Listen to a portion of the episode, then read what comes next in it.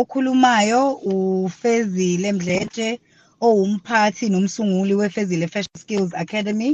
Ekuyisikole sefashini esibased la kwamashu. Namhlanje ngifisa nje ukushera kabanzi ukuthi kwakwenzakalani ngezengqephu nezinto ezisasemgangathweni zokugqoka ngama-1980s um ngizoqale mhlambe nje ngikhulume ngokwakwenzeka phesheya ngoba siyazi ukuthi yonke into esiyigqokayo isikhathi esiningi besithatha i-reference from phesheya. Nakanjalo ukuthi yonke into esiyigqokayo i-reflection of izinto ezisuke zenzeka around us socially. So ngama-1980s ama-influences ayekhona kwakuyi-royal wedding uh, ka-princess diana no-prince charles. Um no-michael jackson la wareleasa khona iculo lakhe lithi thriller. Um also phesheya kwakuyisikhathi la kwacrasha khona i-stock market. But ama-1980s athathe kakhulu uh, ama-trends ama-retro trends ama-1950s uh, ama-puff sleeves uh, ama-shoulder pads nama-printer bold.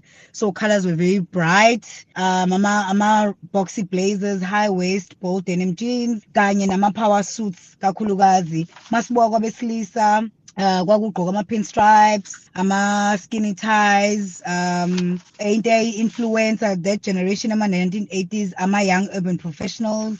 Ayiqala ungena emsebenzini. Kuyi-south africa singasho ukuthi kwakuyiy'khathi zobrenda fasi kuyiy'khathi zokuqhina kuluka abantu benza ama-braids anobuhlalo i-power dressing yayinkulu kakhulu.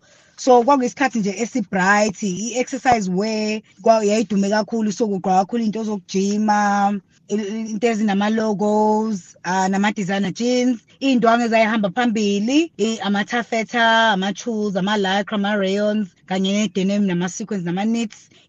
Imbali eyayihamba phambili ngama-1980s um ama-neon bright ama-jewel tones uh, bold and black colors nama-pinstripes and then ama-designers ayehamba kakhulu kuma-1980s um udonna carano umsunguli we-dkny ubetsy johnson uperry ellis kanye no-calvin klein. Ya ngiyabonga kakhulu. Izona nje zinto. Kwagqokwa nje kube bright.